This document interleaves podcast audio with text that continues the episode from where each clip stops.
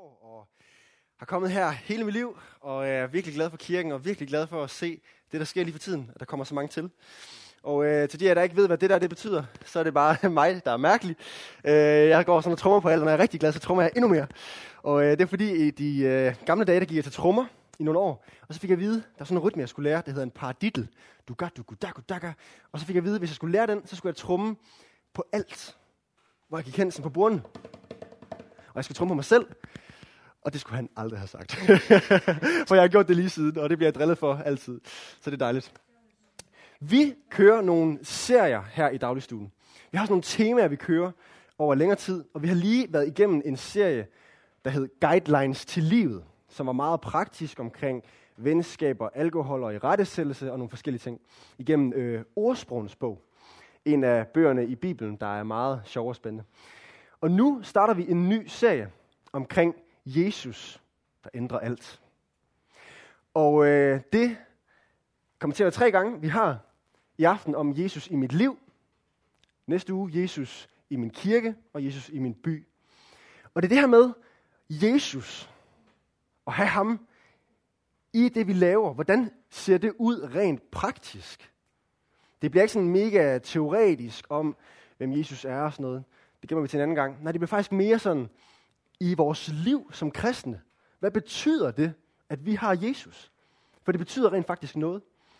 Og det vi skal snakke om i aften, at have Jesus i sit liv, det kan også godt være sådan lidt flyvsk. Synes I ikke det?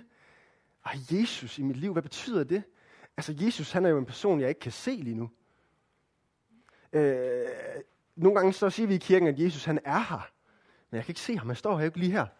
Hvordan kan jeg så have Jesus i mit liv? Og jeg kan huske som teenager, øh, da jeg overvejede, om det der med tro, det skulle være noget for mig så overvejede jeg meget, okay, ham Jesus der, hvad kan jeg egentlig få ud af at have ham i mit liv? Hvad kan jeg få ud af at være kristen? Der er nogen, der siger, at man vil få et meget bedre liv. Der er nogle missionærer, der rejser ned til øh, Afrika, og når de skal sælge kristendommen, så siger de, vælg Jesus. Og så vil I få masser af penge, køre i BMW'er. Øh, I vil ikke være syge mere, alle jeres relationer vil lykkes. Og så siger de, okay, så vil jeg gerne have Jesus. Ikke? Men er det det? Der er også nogen, der kan se det fede i, at vi som kirke har det godt sammen. Ikke? Vi har det mega fedt her. Vi er et fællesskab.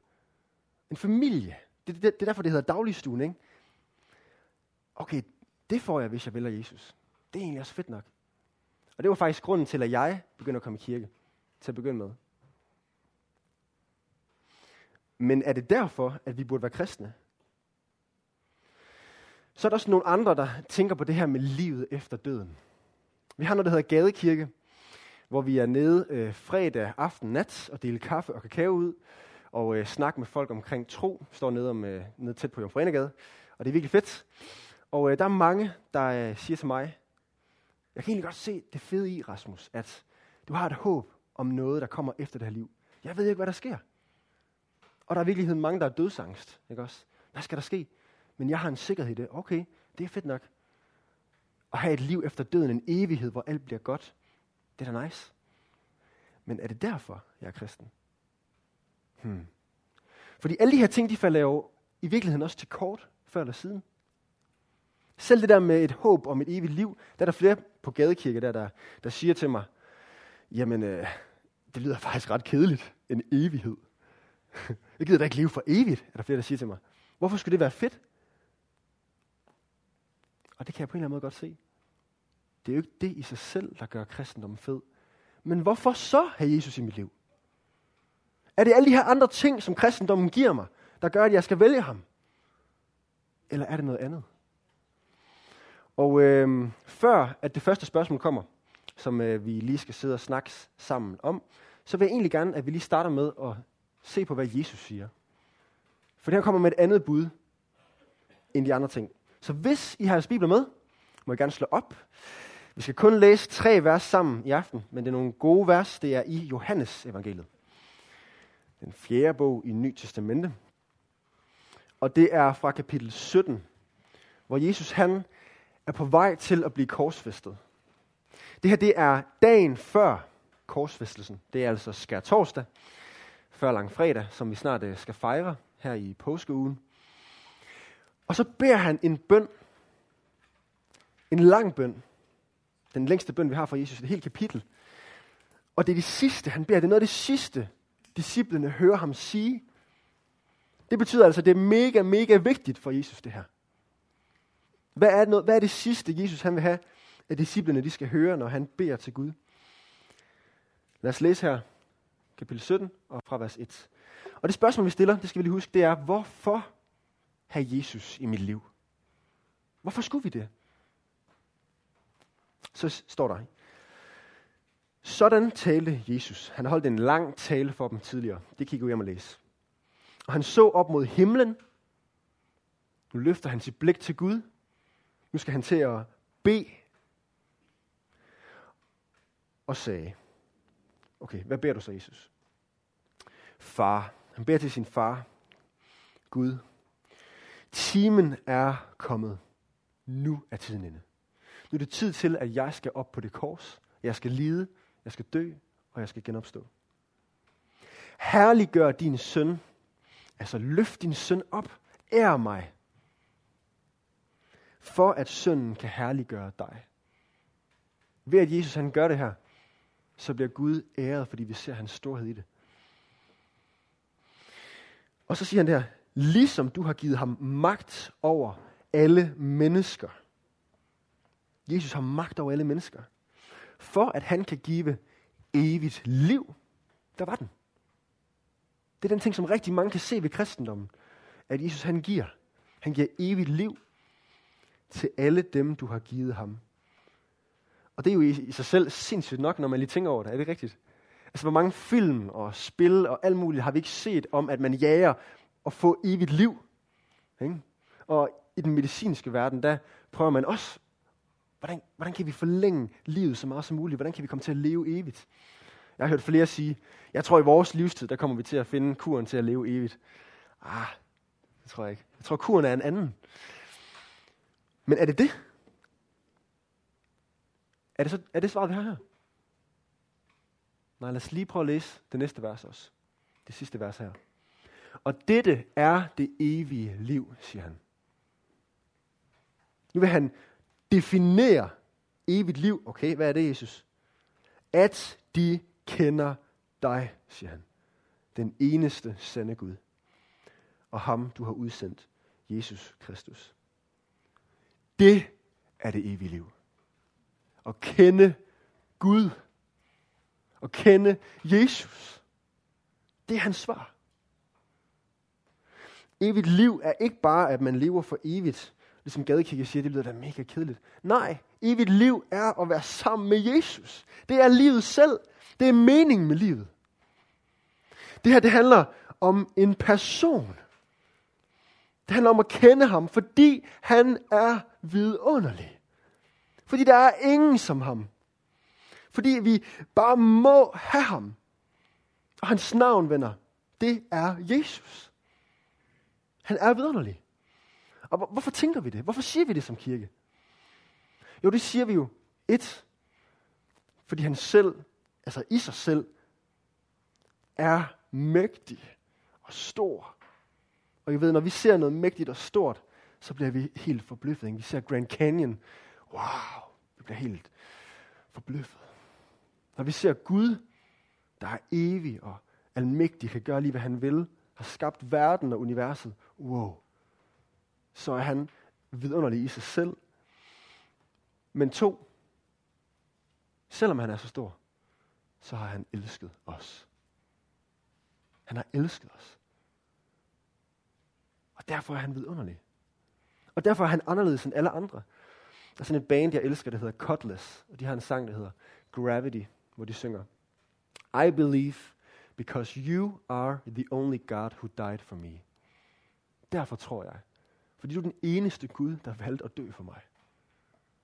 For der er ingen anden Gud, der har gjort. Alle de andre guder, der skal jeg stræbe efter at være god nok. Men dig, Jesus, du elskede mig. Alle de andre religioner, der skal jeg kæmpe for at nå op til Gud. Men her hos dig, Jesus, der er du Gud, der kommer ned til mig. Du er vidunderlig, Jesus. Derfor elsker vi ham. Ikke bare gaverne, han giver, men giveren, som han er. Personen. Jesus. Men hvis man skal være ærlig, er det så sådan her, vi har det. Nogle gange så kan vi godt være kristne på grund af nogle af de andre ting, ikke også? Hvordan har vi det egentlig med Jesus? Og det er egentlig det første spørgsmål, jeg gerne vil have, I lige snakker om her. Hvorfor vil du have Jesus i dit liv? Hvis du vel at mærke vil det. Hvis ikke du helt ved, om du vil det, så prøv at snakke om, hvad er det ved Jesus, der er tiltrækkende? Og prøv bare at være helt ærlig her. Og så snak lige med jeres sidemarker i nogle minutter nu her. Yes.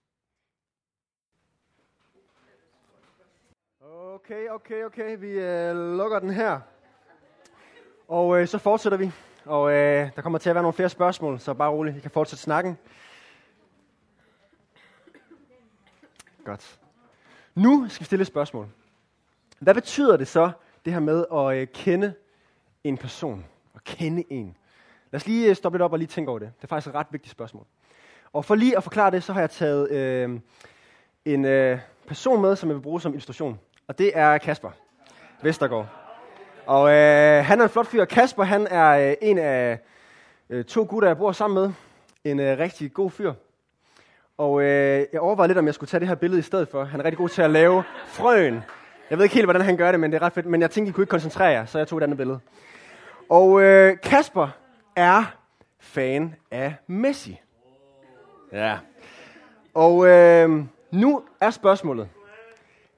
Kender Kasper Messi? Kender han Messi? Altså, øh, det vil jeg faktisk påstå, at han ikke gør. Øhm, uanset hvor meget han gør for det. Om han så øh, ser alle hans kampe. Om han så kan alle hans statistikker på hans mål i hovedet. Om han læser alle artikler om ham. Om han øh, samler på Messi-dukker og hænger plakater op af Messi på væggen og sådan, det gør han ikke. Men hvis han gjorde, ikke? selv hvis han gjorde alt det der, så ville han ikke kende ham. Fordi det med at kende en person, det handler om at have en relation med personen. Og så vidt jeg ved, så er det ikke lige sådan, at uh, Messi lige kommer flyvende til Aalborg og tager en kop kaffe med Kasper. Uh, Kasper kender faktisk ikke Messi på den måde. Han har ikke en relation med ham. Og øh, det er det samme med Jesus. At kende Jesus, det handler om at have en relation med Jesus. Ikke bare have en eller anden idé om, hvem han er. Ikke engang at se op til ham. Og tænke, han er sej og god og den bedste af alle. Ikke engang bare det. Hvis man rigtig skal kende ham, så skal man have en relation med ham. Så skal man være ven med Jesus. Og det vil Jesus faktisk gerne være. Han siger på et tidspunkt til sine disciple, at I er ikke mine tjenere, I er mine venner. Og det gælder også os. Vi kan faktisk være ven med Jesus. Og nu bliver det måske lidt fluffy, tænker nogle af jer. Være ven med en, jeg ikke kan se? Ah, det er lidt mærkeligt. Kan man det? Kan man have en relation med ham? Det tror jeg faktisk er muligt. Og det oplever jeg faktisk også selv, at det er. Vi tror rent faktisk på, at vi kan høre fra Gud. Og det er et stort spørgsmål. Hvordan hører man fra Gud? Jeg tror først og fremmest, at vi hører fra Gud igennem hans ord. Når vi læser i Bibelen, så er det Gud, vi hører fra. Fordi Bibelen er Guds ord. Så simpelt er det. Ja, det er skrevet af mennesker, men det er inspireret af Gud, der har sørget for, at lige netop de her ord blev skrevet ned, og det kan være til opbundning for os. Og det betyder, at når jeg læser for eksempel den klassiske Johannes 3:16, for således elskede Gud verden, så kan jeg stoppe op og tænke, wow, Gud, du har elsket os. Du har elsket mig. Så oplever jeg faktisk, at Gud siger til mig, Rasmus, jeg elsker dig. For det står der. Og det tror jeg på. Og så taler Gud faktisk til mig igennem det. Men jeg tror også på, at Gud han kan tale til os igennem andre ting. Igennem ting, vi oplever, hører, læser. For eksempel for noget tid siden, så så jeg en øh, video på Facebook med nogle afrikanere, øh, som øh, virkelig sultede med nogle børn, der arbejdede i nogle miner. og øh, I kender sådan nogle videoer. Og øh, for en gang skyld så så jeg videoen. Ofte så ruller man jo bare videre, ikke også? Men jeg så den, og jeg kom til at tænke over, hvor har de det bare frygteligt. Og hvor er jeg bare stenrig. Hvad bruger jeg mine penge på? Jeg burde ikke være selvisk med mine penge. Jeg burde virkelig hjælpe og gøre en forskel med det. Og her kan man godt tænke, ja, men det var da bare nogle fine tanker, nogle normale tanker, som alle mennesker får. Ja, men det blev mere end det. Fordi bagefter kom jeg til at tænke, Gud, du har givet mig alt det her. Gud, jeg ved, at jeg skal se dig lige om lidt. Og når jeg på den sidste dag ser tilbage på mit liv, så vil jeg ikke tænke, at jeg har spildt mit liv. Og Gud, du gav alt for mig. Du var Jesus, der blev menneske og døde for mig. Du havde alt i himlen, men du blev fattig. Kan I se, mine tanker blev lidt over på Gud. Og derfor var det ikke bare helt normale tanker. Der tror jeg faktisk, at det var Gud, der talte til mig i den, gennem den video. Og sagde, Rasmus, brug dine ressourcer på mig. Spil ikke dit liv. Lev for mig. Det oplevede jeg faktisk, at Gud kaldte mig til igennem det. Gud kan tale til os igennem andre ting. Men vi skal selvfølgelig være lidt forsigtige, når vi siger, og så sagde Gud til mig. Ikke? Der kan det virkelig gå galt nogle gange. Også selvom at han virkelig kan tale til os, så skal vi være ydmyge omkring det her. Og vi skal anerkende, at vi kan tage fejl. Og alt det, vi oplever, at vi måske hører fra Gud, at Gud måske taler til os, der skal vi altid teste det med den her. Med Bibelen. Passer det med det, vi ved, Gud har sagt? Og vi skal ikke være så opsat efter at høre fra Gud. At Gud, hvorfor taler du ikke i mit liv? Fordi Gud han har talt igennem sit ord. Så hvis du har en bibel, og du slår op i den, så taler Gud til dig. Gud kan altså tale til os, og vi kan svare ham ganske simpelt. Hvordan? Ved bøn. Ved at vi beder til ham. Og så kan jeg godt se, så har vi allerede en samtale i gang der. Jeg læser min bibel, og så svarer jeg Gud. Og det gør, at jeg har en relation til Jesus, selvom jeg ikke kan se ham. Nu kommer jeg lige i tanke om en anden sang, jeg har den ikke med her. Men det er øh, også en kristen sang, hvor de synger, Though I have not seen him, my heart knows him well. Selvom jeg ikke har set ham, så kender jeg ham godt. Og det tror jeg faktisk, vi kan. Vi kan kende ham godt. Også selvom vi ikke kan se ham. Okay, nu kommer det svære spørgsmål. Har du en relation til Jesus? Hvis ja, hvordan? Hvis nej, hvorfor så ikke? Kunne du tænke dig det? Prøv at snakke om det. Okay, vi øh, slutter af her. Og så skal vi til og videre. nu kan vi stille spørgsmålet. Hvordan kan man så blive ved med at have en relation med Jesus?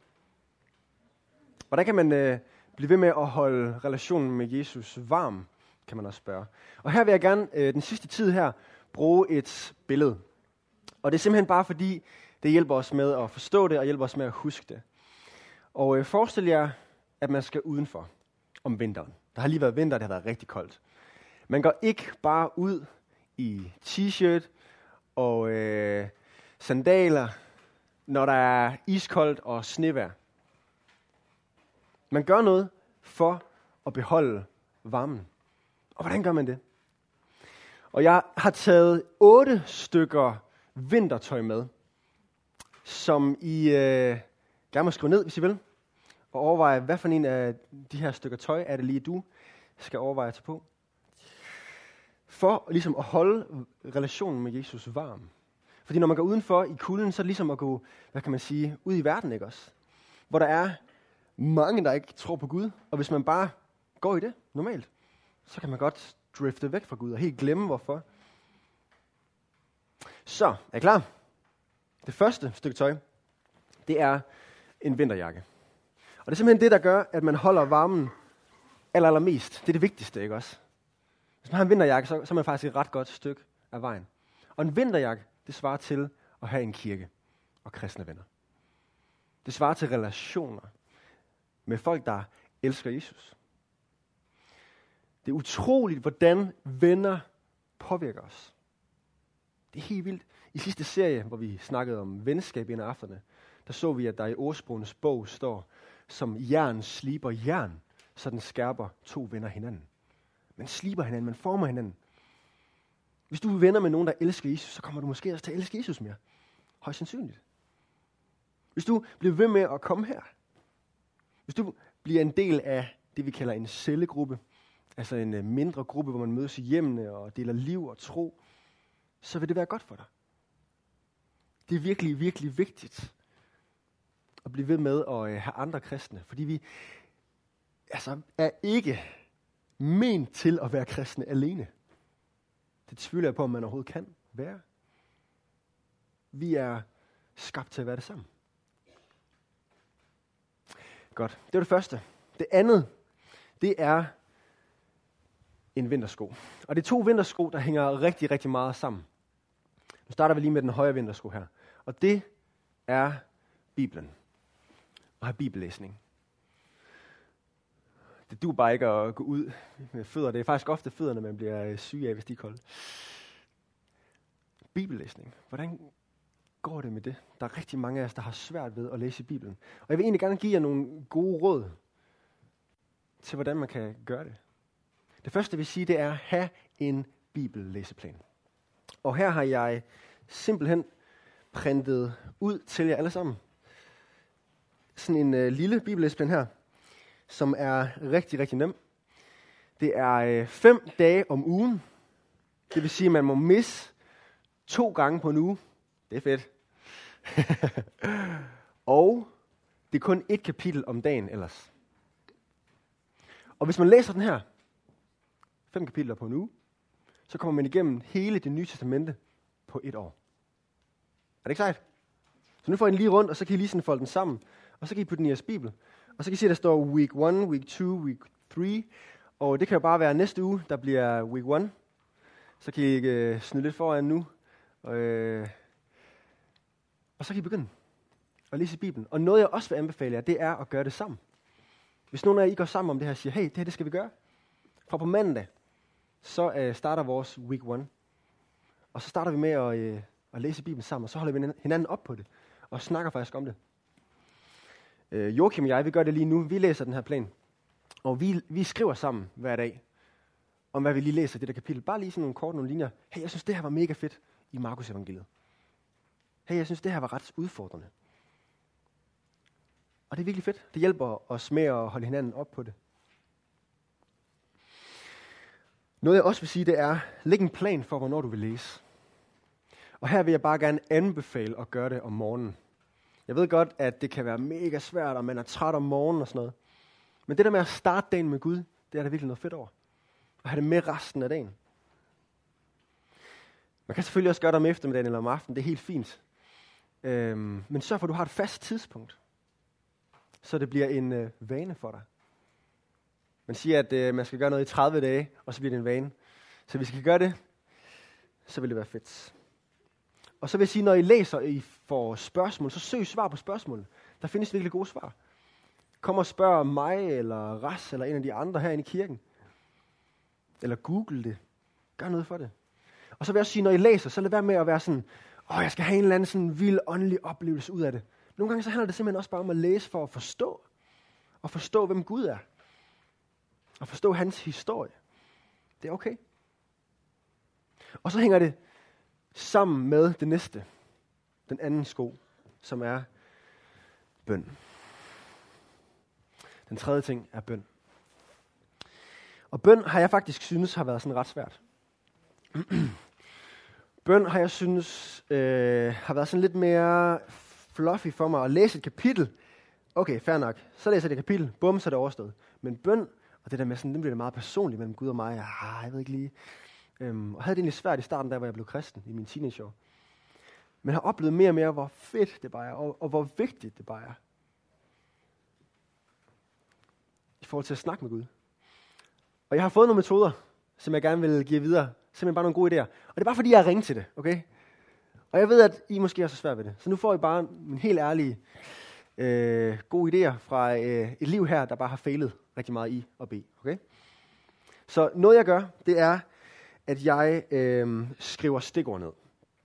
Nogle gange så tager jeg papir, og så laver jeg en mindmap. I ved, man skriver noget, Jesus, Je, skriver noget i midten, Jesus for eksempel, og så laver jeg en streg ud for det, og så skriver jeg tak. Og så laver jeg en streg ud for tak. Hvad vil jeg gerne sige tak for? Jamen, så vil jeg gerne tak for øh, dagligstuen. Så skriver jeg det. Og så siger jeg, Gud, tusind tak for dagligstuen. Tak, at det går så godt. Og, ikke? Og så, så, snakker jeg med Gud om det. Og når jeg så lige mister fokus, og der var en sommerfugl, øh, øh, så, hvad laver jeg? Nå, jeg, nå, jeg er ved at bede. Nå, jeg er ved at bede for dagligstuen. Nå ja. ikke også? Det hjælper mig bare med at holde fokus. Nogle gange så skriver jeg også hele bønder ned. Øh, jeg tager ret meget øh, tog til Aarhus, frem og tilbage, og der øh, kan man ikke lige sådan sidde og bede højt. Jesus! det fungerer ikke helt. Så jeg tager min øh, mobil, og så skriver jeg simpelthen i min note, notes-app, så skriver jeg en bøn. Så skriver jeg bare datoen, og så skriver jeg bare, hej far. Tak, at du kan læse bønder, skrev jeg engang. og så kører det bare, ikke også? Og det er fedt, og det hjælper mig faktisk også med at holde fokus. Så det kan også anbefales. Nogle gange så går jeg en tur, fordi så ved jeg, at jeg beder, indtil jeg kommer hjem. Så kan jeg ikke finde på at lave alt muligt andet. Sådan er det bare. Selvfølgelig kan jeg godt miste fokus også nogle gange, men uh, det er også meget fedt. Særligt når der ikke er andre mennesker. Der var på et tidspunkt, hvor jeg bad rigtig højt. Jesus, jeg vil bare give hele mit liv til dig. Eller sådan noget andet. Og så kom der en gående med en hund. Hej. så der skal man lige tænke sig om. Øhm, noget andet, der er rigtig, rigtig fedt, det er at bede ud fra Bibelen. Simpelthen at koble det op på den bibellæsning, man har. Så når vi læser et kapitel sammen, Joachim og jeg, i Markus evangeliet, så står der noget med, at øh, Jesus vil have, at han betyder alt for mig. Så stopper jeg op, så siger jeg, okay Jesus, betyder du egentlig alt for mig? Nej.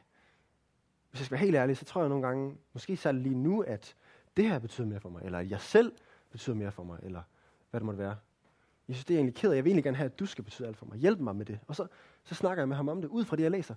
Og så kan jeg gå ned i Bibelen igen og læse videre. Og når der er noget andet, der rammer mig, så stopper jeg op, og så beder jeg for det. For mig selv eller for andre. Ikke? Man kan også øh, have en liste. Der er sådan en påmindelser-app i iPhone, jeg bruger, hvor jeg har en, der hedder bønder. Og så skriver jeg ting ned, skriver en dato, hvornår jeg beder for det. Øh, hvornår jeg begynder at bede for det. Og når den så er svaret, når Gud han har øh, svaret med et ja, og det er sket, det jeg har bedt for, så kan man trykke på den, det er rigtig smart, og så kan man se det, de bønder Gud har svaret på. Det er altså mega fedt. Så takker jeg Gud for det. Det er simpelthen bare for at hjælpe mig med at holde fokus. Godt. Så er der nummer fire her, og det øh, kan svare til en hue, som er lejre og konferencer. Og det er der faktisk rigtig mange af, og rigtig mange fede af. Øh, vi har det, der hedder sommerstævnet. Øh, Baptistkirken i Danmark sammen med Missionsforbundet. Om sommeren så, øh, så mødes vi øh, over 1000 mennesker og øh, har sådan et camp sammen. Kommer i telte og campingvogne, og øh, så er man øh, sammen med alle mulige andre, der også elsker Jesus. Og det er virkelig fedt at være der, hvor passionen er, hvor branden er. Og man kan bare mærke, at de her de, folk, de elsker Jesus, og man søger Gud sammen en hel uge. Det er virkelig fedt. Det gør noget i en. Og det vil jeg bare gerne opmuntre til. Kom der, hvor passionen er. Kom der, hvor folk virkelig brænder for det. Gør, hvad du kan for at blive smittet af det her. For det er jo det, du virkelig gerne vil. Det femte, det kan være en øh, handske. Og det er også øh, to handsker, der øh, passer godt sammen. Så det her det er en højre handske. Rigtig dejlig varm sådan skihandske her. Og det er nogle relationer, man lader komme helt til ind på sit liv. Hvis vi har kirken her, hvor man kommer, og der er nogle lidt større sammenhæng, ikke også? Eller en cellegruppe, hvor man mødes og snakker flere sammen, så er der altså også noget med at være en til en. Og det her, det er det, vi kalder for en uh, øh, LFG. Kender nogen det som? En livsforvandlingsgruppe, hvor man bare er to, der mødes og uh, snakker en gang om ugen. Nogle kalder det også for en medvandrer. At man simpelthen snakker om de helt vigtigste ting i livet. Måske man har nogle spørgsmål, man stiller hinanden. Hvordan går det med det her, du kæmper med? Og en, der altid spørger, hvordan går det med Gud? Det hjælper virkelig en med at tænke klart og tænke, hvilken retning man går. Og den anden handske, man kan tage på, kommer altså stykke nummer 6. Det er det, vi kalder for en mentor. Og en mentor er en, der er ældre, som man mødes med en til en. En øh, kristen, der har gået vandring med Jesus i længere tid, og som øh, kan se tingene fra en helt anden vinkel. Jeg har en mentor, der er i øh, 40'erne. Han er gift og har to børn. Øh, og han er virkelig nice. Øh, elsker sin familie. Elsker sin kirke. Og nogle gange, når jeg kommer til ham, og jeg bare sådan, øh, hele min verden falder bare sammen. Øh. Så har han sådan, slap af Rasmus, det er bare en dårlig tirsdag. Ikke? Fordi han ser det fra en anden vinkel. Og det er virkelig fedt nogle gange. Nå ja, det skal nok gå, ikke også?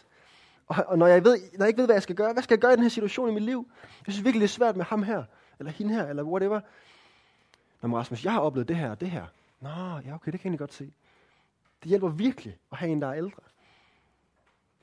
Så det vil jeg anbefale jer. Og hvis I kunne tænke jer en, og ikke lige ved hvordan, så bare kom til mig her bagefter. Så vil jeg rigtig gerne hjælpe dig med at finde en øh, fra kirken. Vi har virkelig nogle seje ældre personer.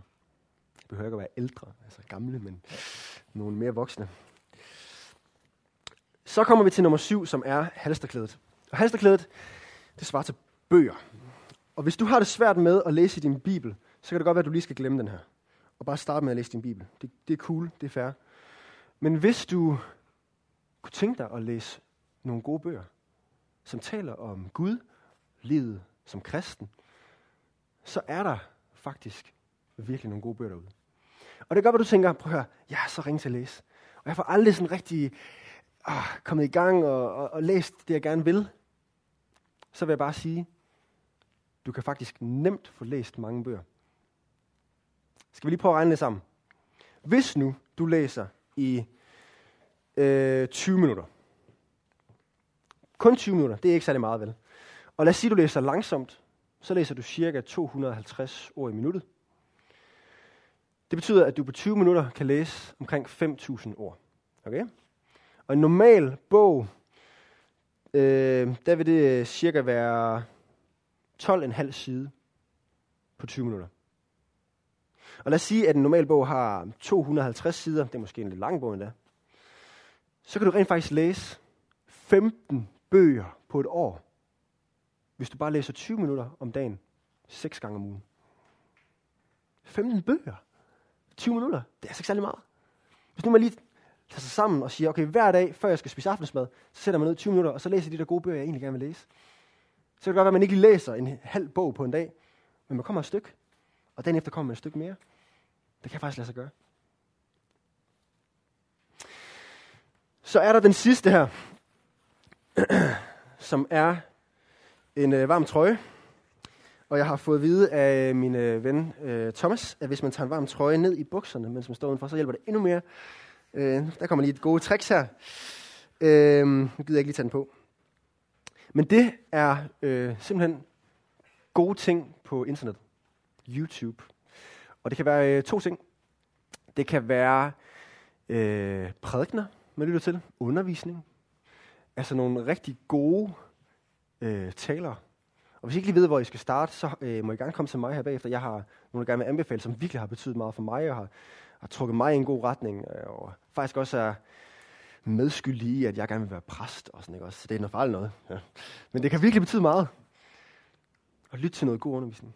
Og noget andet på YouTube eller Spotify kan være kristen musik. Eller det, vi kalder lovsang. Altså et totalt internt ord. Altså at love, det er at ære Gud. Og det må der virkelig mange gode af. I alle mulige forskellige genrer, ikke også? Rap og country og rock og you name it. Og det gør bare noget. Nogle gange så gør jeg det, at jeg finder øh, teksten derhjemme på min computer, og så sætter jeg sangen på, og så øh, synger jeg med derhjemme. Så har jeg min egen lille gudstjeneste med Gud. Og det er virkelig fedt. Øhm, Udover når jeg synger rigtig falsk, og drengene inde ved siden af kan høre det. Men det er virkelig fedt. Og det vil jeg bare anbefale. Eller bare mens du laver lektier, have det i baggrunden. Det betyder noget, man lige hører den der, Jesus, you are great. Eller et eller andet i baggrunden, ikke også? Okay, fedt nok. Det er du faktisk, Jesus. Og øh, det her det er jo bare et billede, ikke også? Og det skal ikke køres for langt ud, men lad os, lad os, vi kan godt lige bruge det lidt endnu. Fordi øh, der er nogen, der godt kan lide, for at holde varmen, og bruge øh, øh, ski under tøj, eller at have øh, pandebånd, eller andre ting, ikke også? Og på samme måde er vi også bare forskellige. Der er nogle af os, der virkelig oplever Gud ved at gå en tur i naturen. Og se træerne, og se tingene blomstre ud, og være sådan helt, wow, Gud, du har skabt det her. Du er vidunderlig. Der er andre, der får vildt meget ud af at skrive øh, poesi, eller sange, eller male, eller whatever. Hvordan oplever du, at du kommer nærmere Gud? Det kan være, at du har din helt egen vej, og det er fair. Men der er noget, der er aller, aller vigtigst af de her ting. Hvis man skal fjerne nogle ting, og lade noget være tilbage, så vil jeg sige, at det skal være vinterjakken og vinterskoene. Så kan man klare sig rimelig godt ud i kulden, er det ikke rigtigt? Hvis man har sin kirke, og man har sin bibel og sin bøn, så er man virkelig godt stykke vejen. Godt. Nu har jeg sagt en masse. Hvad? Hovsa. Okay. Hvad skal du gøre anderledes for at holde varmen? Hvad kan du gøre for at holde varmen? Nu har jeg nævnt en masse ting. Hvad skal du tage med af alle de her ting? Prøv at spørge din sidemark om det. Okay, vi øh, runder af her.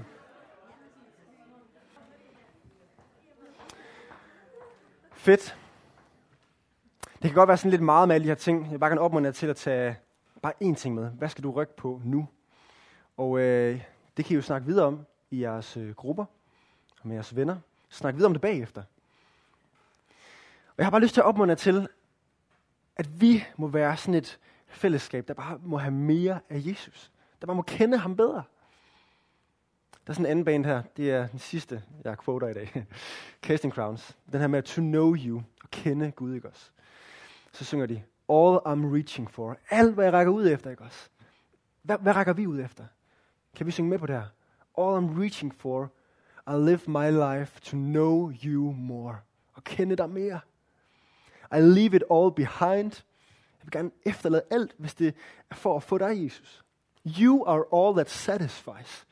Du er alt, der tilfredsstiller mig. To know you is to want to know you more. Det er at kende Gud.